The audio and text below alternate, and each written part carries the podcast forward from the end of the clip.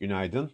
Eee, piyasalara baktığımız zaman piyasalarda satış baskısı devam ediyor. Dün FED toplantısı sonrasında yaptığımız yorumda Amerika borsalarının bir günlük yaşanan yükselişinin e, kalıcı olmayacağını, altta yatan sebebin e, düşen faizlerin, büyü- büyüme yönelik endişeler nedeniyle düşen faizlerin yarattığı bir tepki hareketi olduğunu bahsetmiştik. FED e, genel olarak enflasyona çok odaklı olduğunu, proaktif olduğunu e, görüyoruz. Burada da Fed'in e, aslında beklentilerden faiz fazla bir faiz artırması sadece Amerika'yı değil global piyasalardaki büyüme endişelerini de olumsuz yönde etkiliyor. Çünkü buradaki bir benchmark olarak baktığımız zaman Fed var. Fed eğer daha fazla faiz artırıyorsa hızlandırma süreci içerisine giriyorsa daha e, geç başlamaya düşen, faiz artırımına genç başlamaya düşen merkez bankaları bunu erken alırken e, faiz artırımı sürecinde olan diğer merkez bankaları da aldıkları benchmarktan ötürü daha hızlı bir faiz artırımı, daha yüksek bir faiz artırımı gerçekleştirebiliyorlar. Örneğin dün İsviçre Merkez Bankası beklenmedik bir şekilde 50 bas puanlık bir faiz artırımı gerçekleştirdi. İngiltere Merkez Bankası 25 bas puanlık bir faiz artırımını tekrar beklendiği gibi gerçekleştirdi. O yüzden Fed'in daha hızlandırmış olması diğer merkez bankalarını da tetikliyor. O yüzden de sadece Amerika için bir resesyon kaygısı değil, dünya piyasalarını da etkileyen bir resesyon kaygısı oluyor ki bu da işte emtia fiyatlarına ve diğer e, riskli varlıklara vuran e, e, bir gelişme gelişme karşımıza çıkıyor. S&P son 7 günün 6'sında e, değer kaybı yaşadı. Dün de sert değer kayıpları vardı. Dow Jones'ta %2.42, S&P'de %3.25, Nasdaq'ta %4.08 gibi ağır değer kayıpları vardı. S&P'de de bu haftaki eksi kapanış sonrasında ayı piyasası epey belirginleşmiş oldu. Ayı piyasasının artık bir e, teması da var. E, Amerika piyasaları, Amerika ekonomisi resesyona gidiyor. Dün e, Biden e, resesyon kaçınılmaz değil diyerekten e, artık bu olasılıkları ve Toto'yu e, spor e, e, resesyon Toto diyebiliriz buna e, başlamış durumda.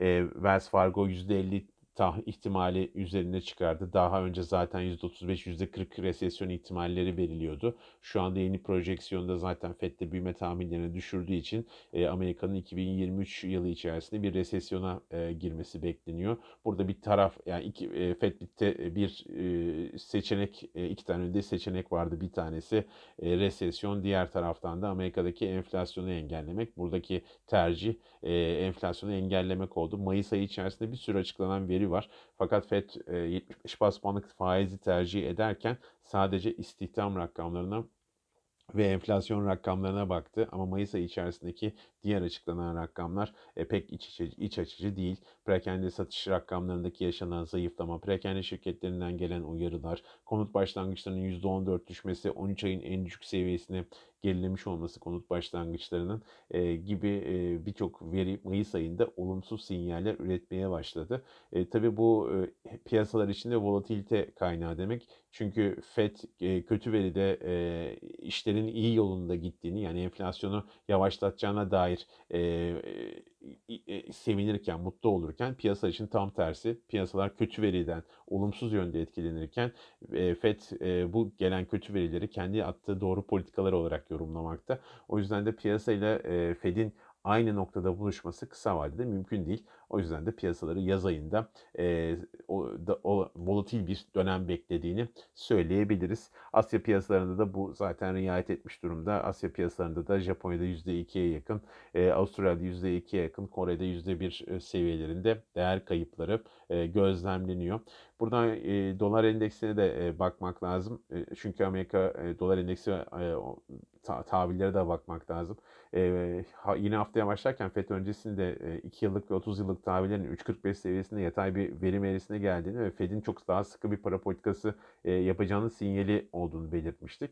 E, şu anda e, gün şey kapanırken, haftayı kapatırken 3.20'leri geldiğini gözlemliyoruz. Bu da e, verim eğrisinin e, aşağı doğru gelmiş olması, e, yatay olarak aşağı doğru gelmiş olması bu da esasında bir daralma, e, resesyon endişesini yol açıyor.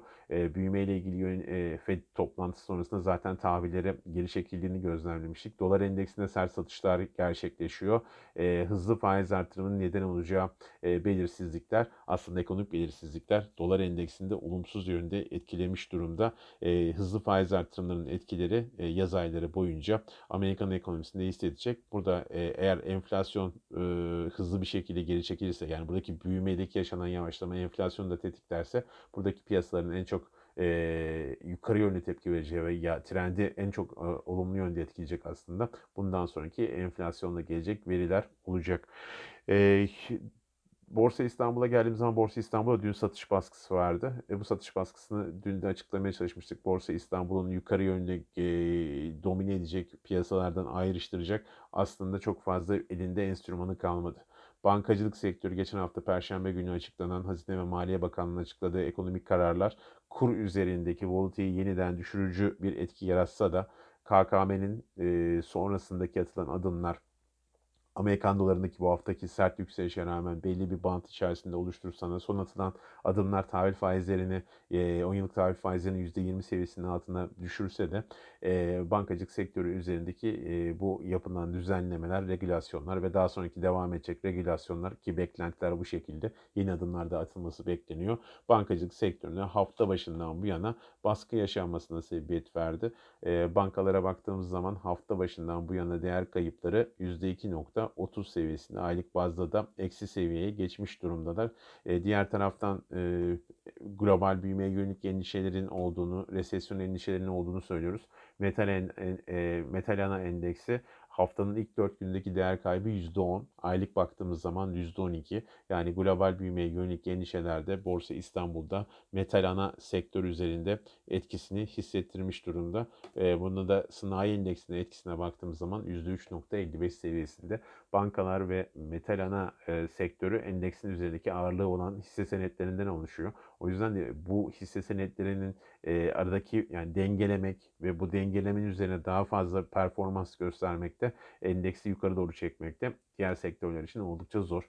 O yüzden de dün 2500 seviyesinin altında e, kapanaraktan bir düzeltme hareketi içerisine girdik. Hatta biraz önce bahsetmiştik yaz ayı yurt dışı için zor geçecek. E, yaz ayı Borsa İstanbul için biraz daha yatay geçebilir. Hisse bazlı hareketler içerisine geçebilir. Önümüzdeki ay e, zaten Ramazan e, Kurban Bayramı nedeniyle uzun bir tatil arasına gireceğiz. E, bayramdan sonra da bilançolar açıklanmaya başlayacak. O zamana kadar süreç içerisinde 2400-2500 bandı içerisinde bir hareketlenme, bir dengelenme, hisse bazlı hareketler ve bilanço bazlı hareketler ön plana çıkabilir. Dolar TL'de ise yatay trendin değişmesini e, beklemiyoruz. Günlük önerilerimize geldiğimiz zaman da günlük önerilerimizin içerisinde e, Doğan Holding, e, BİMAŞ, Türk Hava Yolları ve Vestel Beyaz Eşya yer almaktadır. Bugün aktaracaklarımız bunlardı. Herkese iyi seanslar dileriz.